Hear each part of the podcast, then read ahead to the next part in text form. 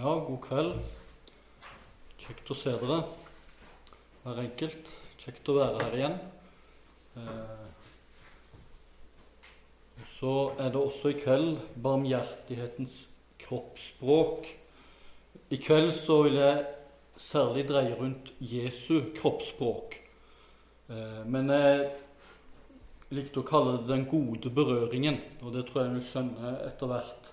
Eh, det å bli møtt med barmhjertighet, det å få den gode omfavnelsen, den gode klemmen, den gode berøringen, det tror jeg gjør godt for oss alle.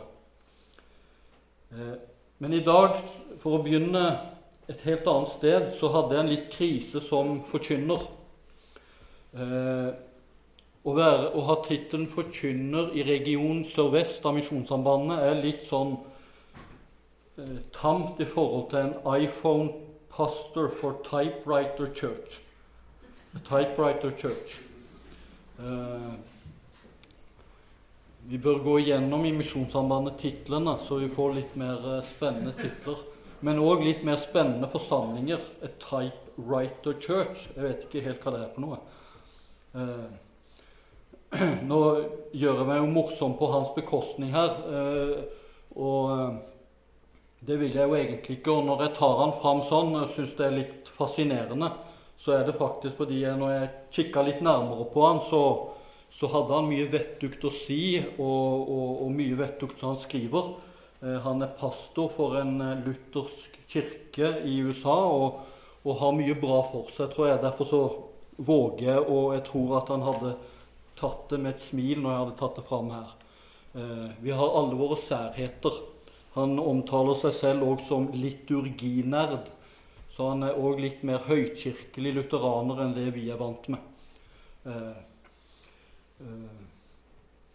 Men jeg fikk altså en krise i dag. Jeg syns det var litt tammere med forkynner i Misjonssambandet region sørvest. Så. Men litt mer seriøst på nettet, de som er på nettet og på Instagram, eh, så kan en følge noen av våre misjonærer i Japan. Tone og Ole Bjarne Tråsdal. Eh, ferdige fotspor, en fin eh, heading eh, på deres De går i ferdiglagte gjerninger, er det vel det de spiller på. Og jf. i går, de vakre føttene. Eh, det er barmhjertighetens kroppsspråk i Japan. De har flytta inn i nabolaget til japanere og står i en rik tjeneste der. Så de som vil følge de, eh, er velkomne til det. De legger ut Eh, fine oppdateringer innimellom, både fra hverdagslivet, men òg misjonærlivet og arbeidet. Her er et glimt fra når de samles eh, til bønn, deler av misjonærfellesskapet. Her ser vi òg ekteparet Bergersen, og, de samles til bønn. Eh, slik vi òg samles til bønn. Og det var fint å høre forsamlingsbønnen her innledningsvis, både i går og i, i dag. Også når vi ber, så kan vi jo ta med de eh, ja, arbeid i Japan. Dere har sikkert noen dere følger ellers andre misjonsfelter. Eh, eller så foregår det jo flotte og kjekke ting på Lundeneset, forstår jeg, med eh, møteuker som er forlenget. Eh, så det er jo veldig flott, så det vil vi ta med i takknemlighet også når vi, vi ber, også her i kveld. Eh, Ellers så undrer jeg meg litt over denne oppdateringen, da. Eh, jeg har jo selv vært på og talt på torsdagsmøter og visste ikke at de var dugnadsmøter. Vi har dugnadsmøter hver torsdag. Det var nytt for meg. Så jeg har eh, tenkt at jeg må revurdere om jeg skal si ja til å tale på dugnadsmøter. Og så avslutningen òg. Du, du, kan lese mer på LVS Nei. Ja, ja. Jeg vet ikke. Ja, ja. Men, eh, men, eh, det er nå så. Det var noe flott å, å, å høre nyheter om møtevirksomheten på, på Lundeneset. Så når vi ber litt, og igjen så har jeg med denne bønnen som jeg har levd i i den seinere tid Og jeg ser for meg mennesker, og du kan gjerne det Nå håper jeg vi kan roe ned litt. Grann, eh, og kanskje stenge ute litt av livsstøyen i livene våre. Men ikke stenge ute de menneskene vi ser for oss, de vi er glad i, eller de vi tenker på, som kjemper. Og de trenger ikke å kjempe heller. Det er folk vi er glad i, som vi ønsker det beste for. Og så kan vi òg se for oss både de som er våre misjonærer og utsendinger i Japan eller andre steder. De ser på Lundeneset også seinere i kveld på møte. Eh, skal vi be. Herre, ditt navn er det første av alt som er. I ditt navn har vi håp. Åpne våre øyne, så vi kan kjenne deg, du som er den høyeste av alt som er høyt, den helligste av alt som er hellig. Hjelp dem som kjemper. Vær nær de ensomme. Reis opp de falne. Stå hos dem som er i nød. Helbred de syke. Led tilbake de bortkomne. Gi mat til de sultne. Sett fri de bundne.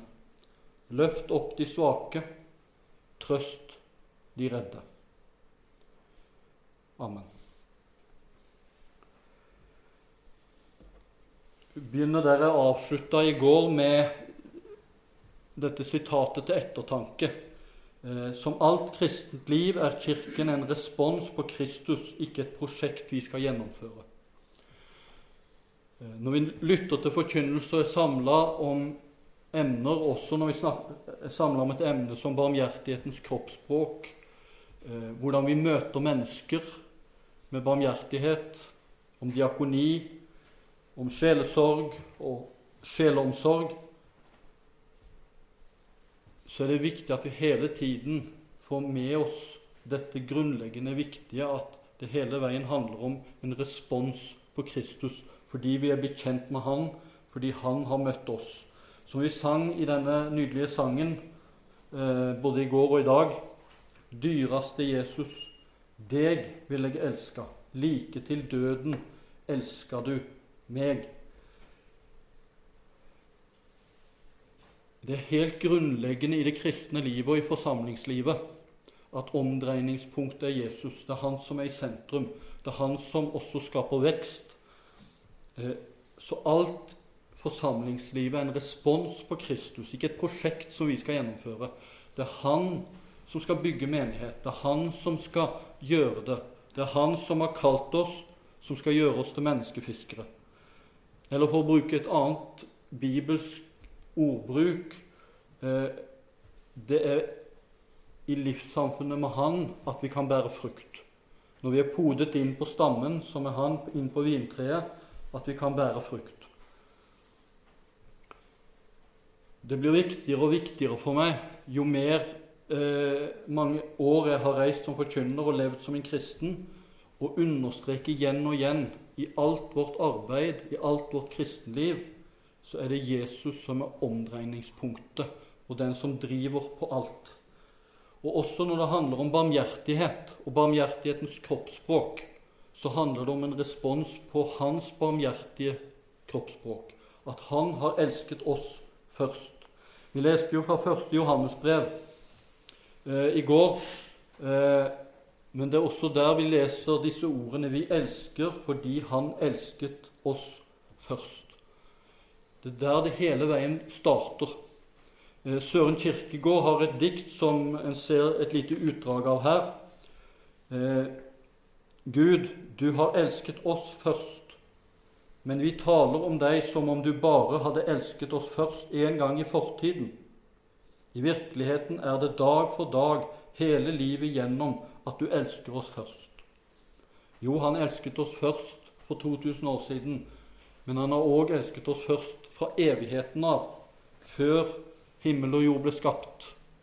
Men også, som Søren Kirkegård poengterer, han elsker oss først, hvert øyeblikk, hver dag. Og så fortsetter han òg. Når vi våkner om morgenen og vender vår sjel mot deg, kommer du oss i forkjøpet. Du har elsket oss først. Dersom jeg står opp før daggry og i samme øyeblikk vender min sjel i bønn til deg, da er du alltid Nei, da er du allerede der. Du har elsket meg først. Når jeg legger bak meg alt som forstyrrer, og søker inn i sjelen for å tenke på deg, da er du stadig den første. Forlat oss, Gud, vår utakknemlighet. Det er ikke bare én gang at du elsker oss først. Det er i hvert eneste av livets øyeblikk.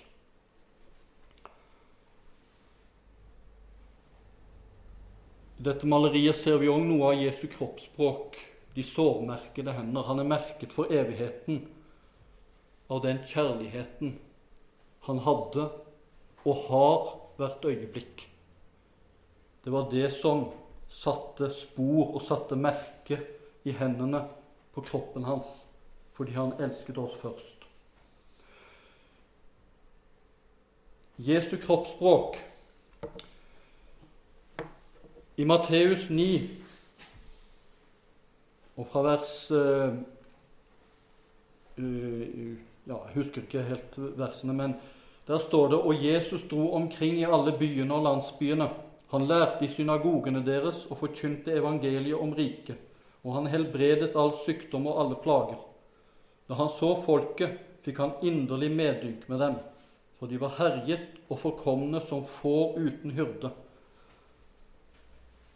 Da sa han til disiplene sine.: Høsten er stor, men arbeiderne få. Be derfor høstens herre at han vil drive arbeidere ut til sin høst.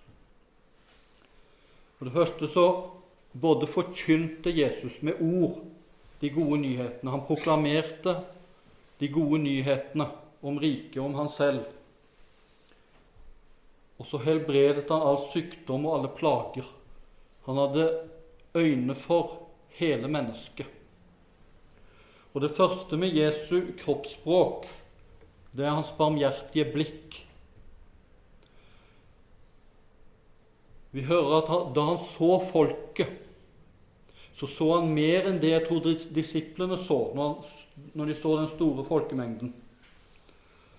For det han så, det var herjet og forkomne mennesker som sauer uten gjeter. Det så ikke uten videre disiplene. Når de så alle fariseerne og de skriftlærde, når de så bøndene og fiskerne, når de så tollerne og synderne Alle de forskjellige menneskene som var samlet i store folkemengder for å høre på Jesus. Jesu blikk, han ser, som en har sagt, han ser mennesket bak festklærne og fillene. Han ser det ensomme hjertet. Jesus så dypere. Og så ber han også disiplene etter hvert om å løfte blikket. Se, høsten er moden. Han ønsker også at vi skal få noe av det samme blikket, løfte blikket og se med litt av det samme barmhjertige blikket for Jesus har ikke bare et skarpt blikk som ser bak festklærne og fillene, ser inn til det innerste i våre liv. Og det som sto videre, det at han fikk inderlig medynk med dem, viser at det er et barmhjertig blikk. Tenk bare på kvinnen ved brønnen eller andre synderinner eller syndere eh, som levde liv som egentlig var ganske kjent for folk flest, slik at de gikk for å være syndere, slik at også kvinnen kom til brønnen midt på dagen for å unngå alle blikkene som ikke var like barmhjertige, som kjente til kanskje deler iallfall av livshistorien, og nettopp derfor enten foraktet henne eller så ned på henne eller ikke ville vite av henne eller var sint på henne fordi hun hadde brutt inn i flere ekteskap. Det var ikke noe vakkert liv. Jesus så alt dette, og så enda dypere. Han så alt. Hun var avslørt for hans blikk. Men allikevel var det et barmhjertig blikk. Og når han snakket til henne, så istedenfor at hun lukket seg og ble bitter slik som nok de andre blikkene virket. De skarpe, fordømmende blikkene som ofte har en tendens til at vi lukker oss går for sjøl. Men Jesus, han åpnet henne, og han tilga henne og reiste henne opp. Så istedenfor skam og skyld så gikk hun der bort fra tilgitt, rettferdiggjort og oppreist. Jesus har et barmhjertig blikk. Ja, han ser alt i våre liv. Men han ser det med barmhjertighet. Han kjenner oss på dypet, alt i våre liv. Som jeg òg hadde i går Svein Ellingsen sin eh, lesesalme 'Mennesker som venter på øyne som ser'. Det som skrives så poetisk og flott her, det kan sies ekstra mye og sant om, om Jesus. Mennesker som venter på øyne som ser, øyne som oppdager nøden som finnes. Jesus, han ser vår nød. Midt i vårt samfunn, midt i vår velferd. Mennesker som venter og roper på nærvær, roper i taushet bak ensomhetens murer. Hvem er på post i en nådeløs verden? Hvem følger kallet som lyser imot oss? Nærvær og tjeneste, nærvær og omsorg, øyne som ser. Hvordan er våre øyne? Ser de med barmhjertighet, med medfølelse, medynk, med barmhjertighet? Eller ser vi med fordømmelse, med skepsis,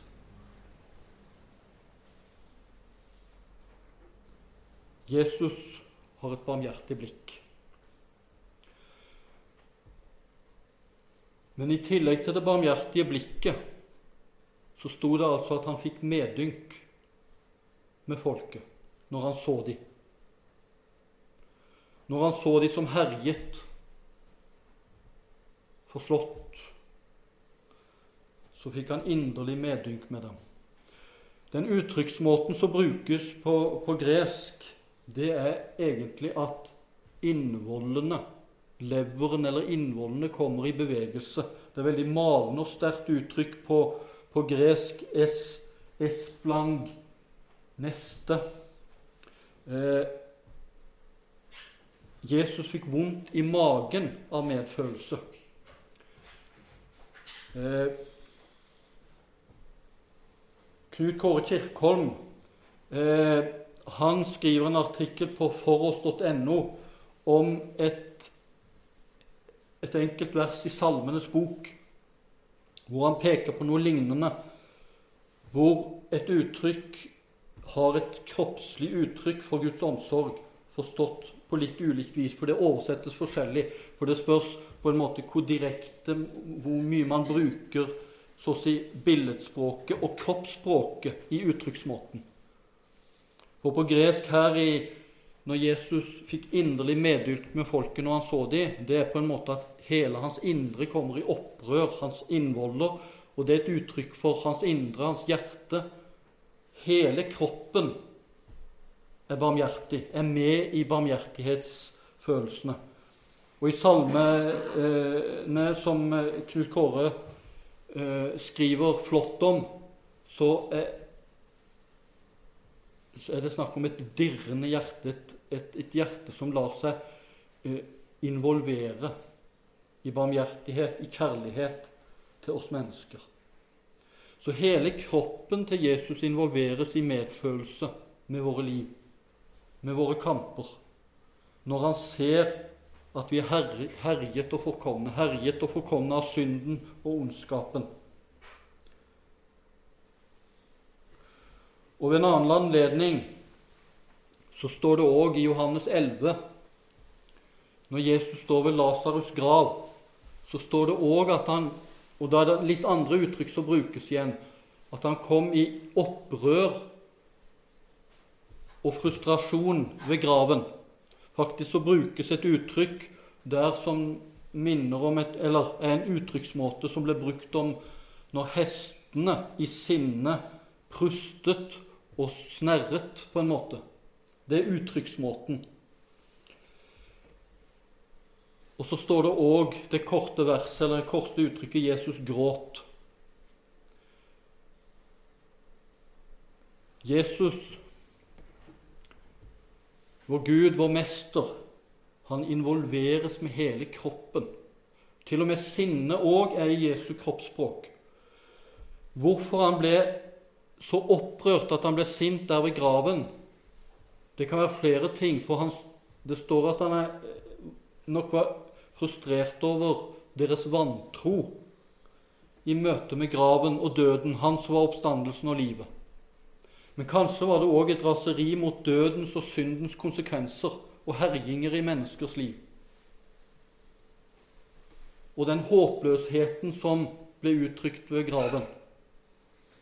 Og så står han der, han som er oppstandelsen og livet. Og så gråter han med Maria og Martha. En stille gråt mens det står om kvinnene og gråtekonene at det var høylytt gråt, slik som en møter i Midtøsten og for så vidt i Øst-Afrika. Men Jesus står der at det var en sånn stille gråt i medlidenhet. Hele kroppen er med. Han gråter med oss når vi kjemper, når vi strir, når vi lider.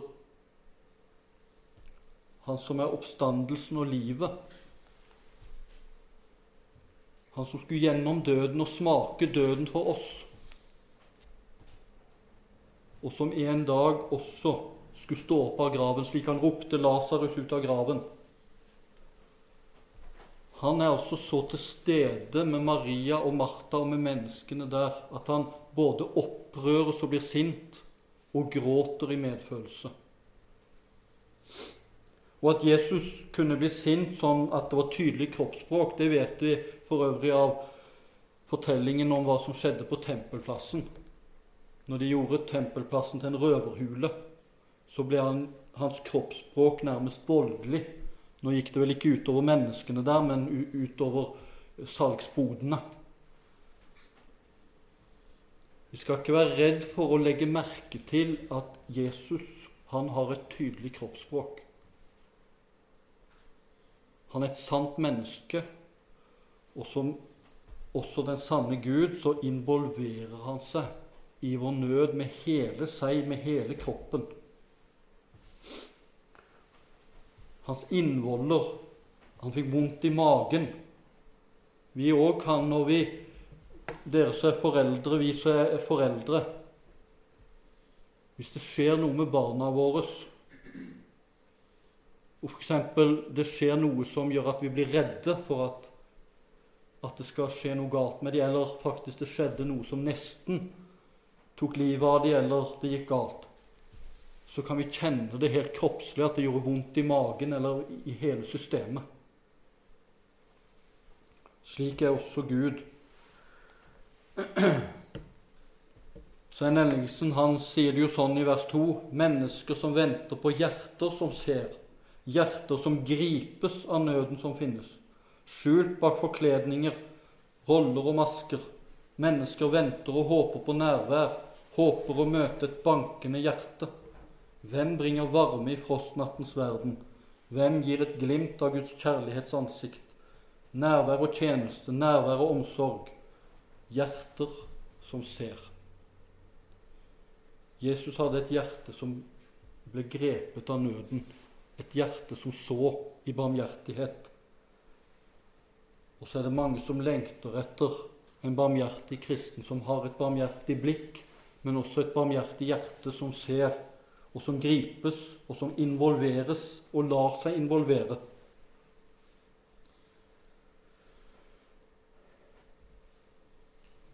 Jesus han lot seg forstyrre. Dette har jeg tatt fra mange plasser, og kanskje har jeg gjort det her òg, men de virkelig viktige og gode tingene må vi gjerne dele ofte med hverandre. Her er noen glimt fra flere hendelser hvor Jesus lot seg forstyrre eh, av den blinde Bartimeus, eller den lamme som de fire vennene bar og brøyt opp tak og forstyrra stormøtet, eller barna som foreldrene kom med til Jesus. Og i alle disse tilfellene så var det enten en folkemengde i veien eller disipler som oppførte seg som, som livvakter og ville hindre, enten det var Bartimeus, kjefta på de blinde ved Jeriko, måtte ikke forstyrre mesteren, eller også disiplene som ville vise vekk barna. Jesus ble sint. La de små barn komme til meg.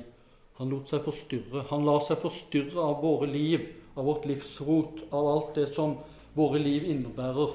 Syndene til den lamme. Kampen i mørket hos den blinde. Og barnas, eller foreldrene til barnas trang om at barna skulle få komme til Jesus. Jesus han lot seg forstyrre, enten det var stormøte eller hva det var. Og så i dag i dag òg Her kom Den der skulle egentlig inn og skjule Jo, det var Stemmer det. Det er jo et lite glimt av hverdagslivet. De ble jo i bønnemøtet òg forstyrra av barna. Det var jo poenget her. Jeg har jo glemt hvorfor jeg hiver den inn her. Den. Men det er sånn så bildet med Jesus. Han lot seg forstyrre av barna. Også misjonærene må tåle å la seg forstyrre også av barna i misjonærarbeidet og bønnearbeidet. Eh, men så leste jeg i dag, det var, det jeg, det var den jeg trodde kom nå, nemlig. Eh, det er når Jesus møter den fortvilte eh, Jairus, som kommer fortvila i forhold til datteren som var døende. Men så står det at mens Jesus ennå talte med Jairus. Her illustrert med at de sitter på kne, de to, og prater. Så kom de fra huset, og så sier de, 'Hvorfor bryr du mesteren lenger? Jenta er død.' Men Jesus lot seg forstyrre. Han ga seg ikke selv når alt håp er ute i våre liv. Når vi synes det ikke er håp lenger, eller det ikke er verdt å forstyrre mesteren lenger, så la Jesus seg forstyrre. Han tåler å bli forstyrra av vårt livsrot, våre synder, det vi skammer oss over, og gjerne også det som vi selv er blitt lei av i vårt liv, som gjør at vi kan snakke oss ned eller forakte oss selv. Selvforakt. Slik at vi tenker, eller at andre tenker, ikke bry mesteren med dette. Men Jesus, han lar seg forstyrre. Det syns jeg er nydelig for min egen del. At han lar seg forstyrre. Men så er spørsmålet lar vi oss forstyrre av menneskene rundt oss. Eller er vi seriemestere, som liker å mobbe jentene mine med, de som ser så mye serier? Eh, jeg selv ser ikke så mye serier, men så har jeg mine andre ting, da. Kan jeg framstå litt flott og med glorie over her, da. Neida, Men jeg tror mange kjenner seg igjen i at vi så å si driver med seriemesterskap i dag. Det er veldig mange serier, og det her er jo glimt fra 15 serier. Vi gleder oss til 2023. Jeg lurer av og til på hvor mange timer har folk i døgnet. Uh,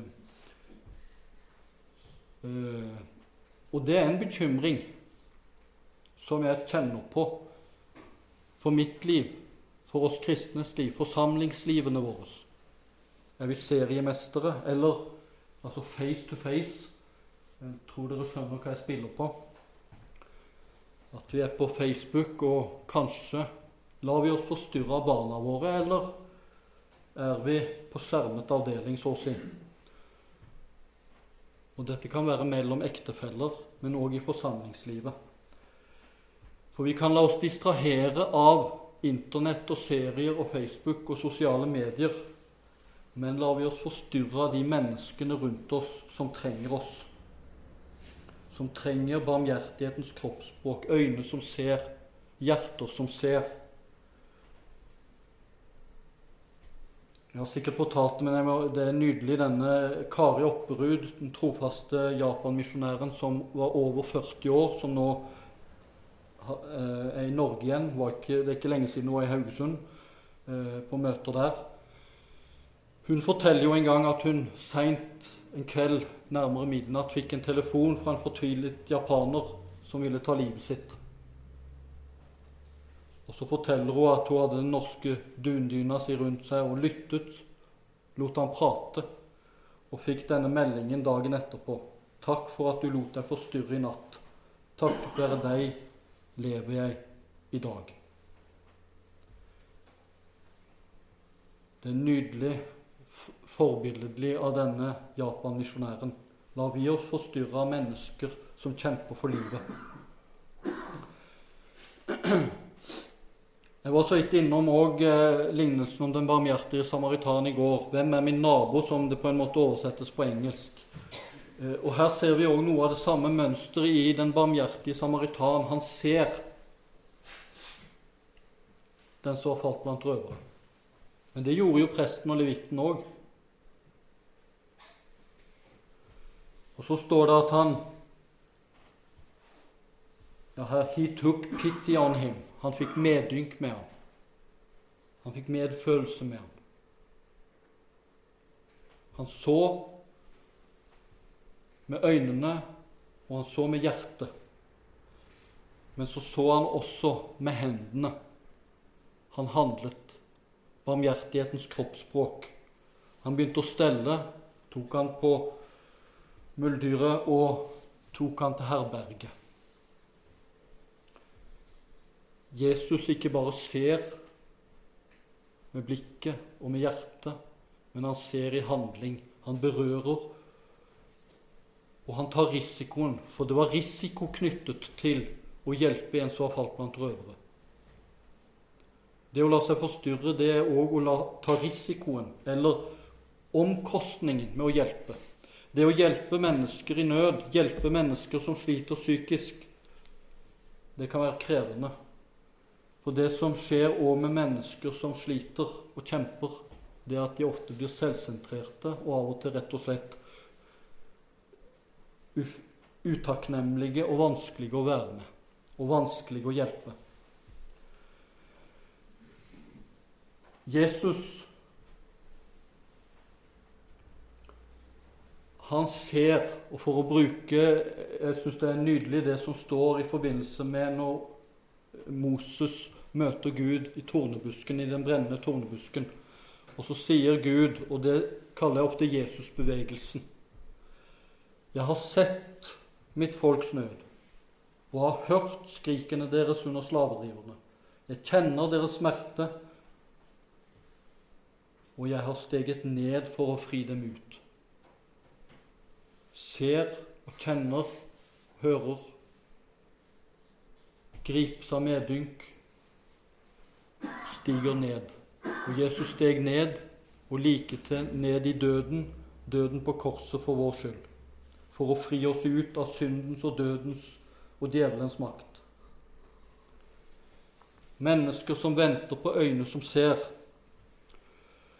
Mennesker som venter på hender som ser. Hender som rekkes mot nøden som finnes. Hender som tegner Guds ansikt i verden.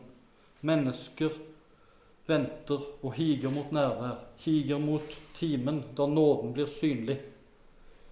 Gud, la vår tro og vårt liv bli fornyet. Hjelp oss å se og styrk oss til handling, nærvær og tjeneste, nærvær og omsorg, hender som ser. Jesus hadde hender som så, som rettes mot de som var i nød, de som kjempet mot syndere, mot syke, mot spedalske. Og så berørte han. Men han tok òg omkostningen, gikk i døden. Det å la seg forstyrre, det å la seg involvere, det å ha hender som ser, det å ha et barmhjertig kroppsspråk Det handler om noe av det samme også for oss. I våre nabolag, i de de, mot de mennesker vi møter. Men også som den barmhjertige samaritan så kan det òg være Det er noe som jeg ikke har tenkt så mye på før, men være sånn at vi kommer til et punkt der ikke vi kan hjelpe mer.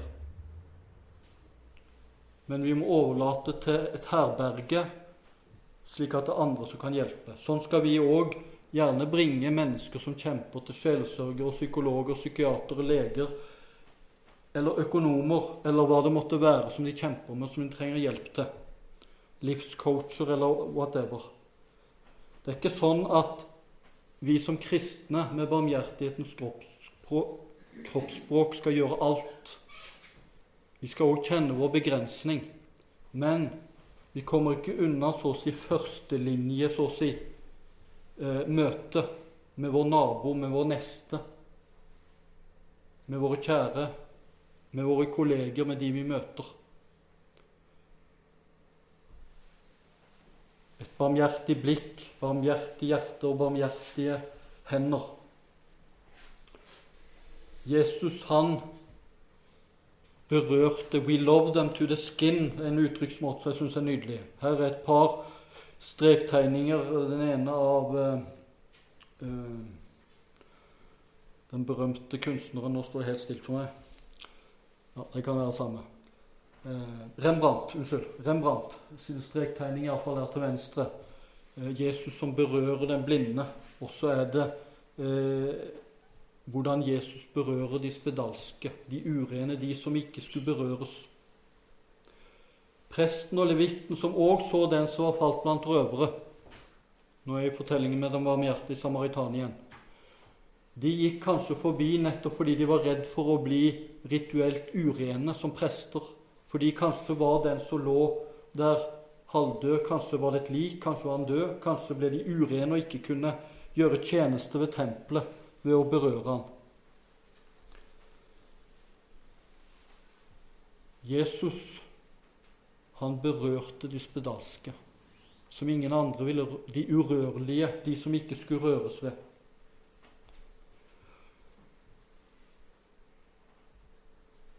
Jesus har ikke berøringsangst. Han berørte de spedalske, de syke, og han lot seg berøre òg av f.eks. denne kvinnen med blødninger som kom bakfra. Jesus har ikke berøringsangst med våre liv, med livsrot, med skammelige liv, med syndige liv. Vi kan fort ha berøringsangst med livsrot og med synd, med urenhet, med skammelig livsførsel. Jesus hadde ikke berøringsangst. Han berørte spedalske. Han lot seg invitere i selskap til syndere og tollere, til frustrasjon og sinne fra de fromme skriftlærde og farisere. Men som Jesus sa i den forbindelse, det er ikke de friske som trenger lege, men de som er syke, de som har ondt, er ikke kommet for å kalle rettferdige, men syndere til omvendelse.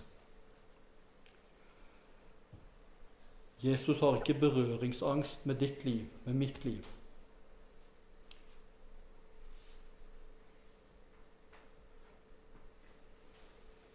Den gode berøring, også her et maleri av når Jesus omfavner en spedalsk. Den gode berøring. En fremsømmelig klem. Eh, det er et uttrykk som jeg fant i en roman om eh, psykoterapi, av alle ting. Av en psykoterapeut, en berømt amerikansk psykoterapeut. Og Det kan sies mye om den boka og den romanen, men, men det uttrykket hengte seg fast hos meg. Som er viktig både for alle forkynnere, lærere og alle som som har ansvarsfulle stillinger, og i, i kjølvannet av dette med metoo og alt mulig Den gode berøring, den fremsømmelige klemmen. Men dette handler enda dypere om nettopp den gode berøringen. Den som berører nettopp fordi den er barmhjertig, den er god, den vil det beste. For vi trenger den gode berøringen.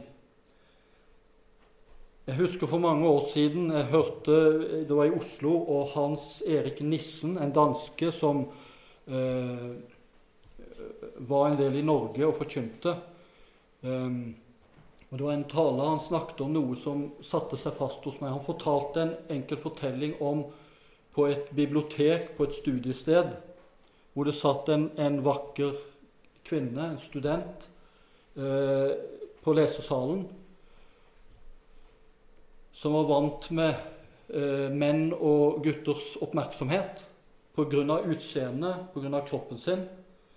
Men så var det en kristen medstudent En mann som tok kontakt med henne og snakket med henne. Men så skjønte hun etter hvert, for han begynte å snakke om å spørre etter om hun trodde på Gud, om hun kjente Gud, om hun kjente Jesus. Og det gjorde så dypt inntrykk på denne jenta som var så vant med en annen oppmerksomhet, at her var det en som var interessert i hennes indre, i hennes sjel. Teksten til Hans Erik Nissen var salmeordet 'Det er ingen som spør etter min sjel'. Det er mange mennesker som går rundt og lengter etter noen som spør etter hvordan en har det, spør etter ens sjel, spør etter ens indre, spør etter hvordan en har det med Gud, hvordan en har det med seg selv. Og da trenger de å møte noen barmhjertige kristne som både har barmhjertige blikk, barmhjertig hjerte, men òg barmhjertige hender, som kan gi den gode berøring, både gjerne helt konkret, men også i overført betydning, slik at alle kan kjenne på seg fri og kjenne på at en vil de godt. Jesus berørte og lot seg berøre. Til slutt noe til ettertanke for oss kristne og forsamlinger. Eh,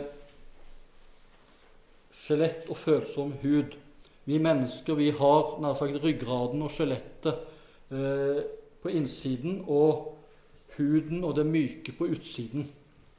Eh, mens krepsdyrene eller hummeren, der er det motsatt. Der er det bløtt inni, og så er det hardt skall utpå. Og så var det en, en doktor Brann som var lege og jobba med spedalske eh, leprapasienter, men som òg en kristen og skribent. Han reflekterte litt over Kristi kropp, det å være forsamling. Til ettertanke hvordan er det med oss som forsamling? Det er ikke sånn at vi ikke skal ha ryggrad, ikke skal stå for noe. Langt ifra. Vi har en ryggrad, vi har en Herre vi følger, som vi lyder. Men hvordan møter vi menneskene rundt oss? Hvordan er våre forsamlinger? Møter vi de som en hummer, steinharde, hard i klypene, sånn at vi tar mennesker, støter mennesker bort? Eller møter vi dem med følsom hud, sensitive skin, som han snakker om? Dette må selvfølgelig ikke verken misforstås eller forvrenges. Men det er til ettertanke hvordan møter vi mennesker rundt oss? Hvilket kroppsspråk har vi? Vi kjenner alle til hvordan et tydelig kroppsspråk kan både støte vekk, men kan òg invitere til fellesskap. Et tydelig kroppsspråk kan både gjøre at vi hever skuldrene og klarer ikke å slappe av. Men det kan òg få oss til å senke skuldrene og slappe av. Her kan jeg være meg selv med hele mitt liv. Her er det et barmhjertig fellesskap. Her er det et fellesskap som vil meg vel. Her er det et fellesskap som spør etter min sjel. Skal vi be til slutt? Herre, Ditt navn er det første av alt som er. I ditt navn har vi håp. Åpne våre øyne så vi kan kjenne deg, du som er den høyeste av alt som er høyt, den helligste av alt som er hellig. Hjelp dem som kjemper, vær nær de ensomme, reis opp de falne, stå hos dem som er i nød, helbred de syke, led tilbake de bortkomne, gi mat til de sultne Sett fri de bundne, løft opp de svake, trøst de redde. Amen.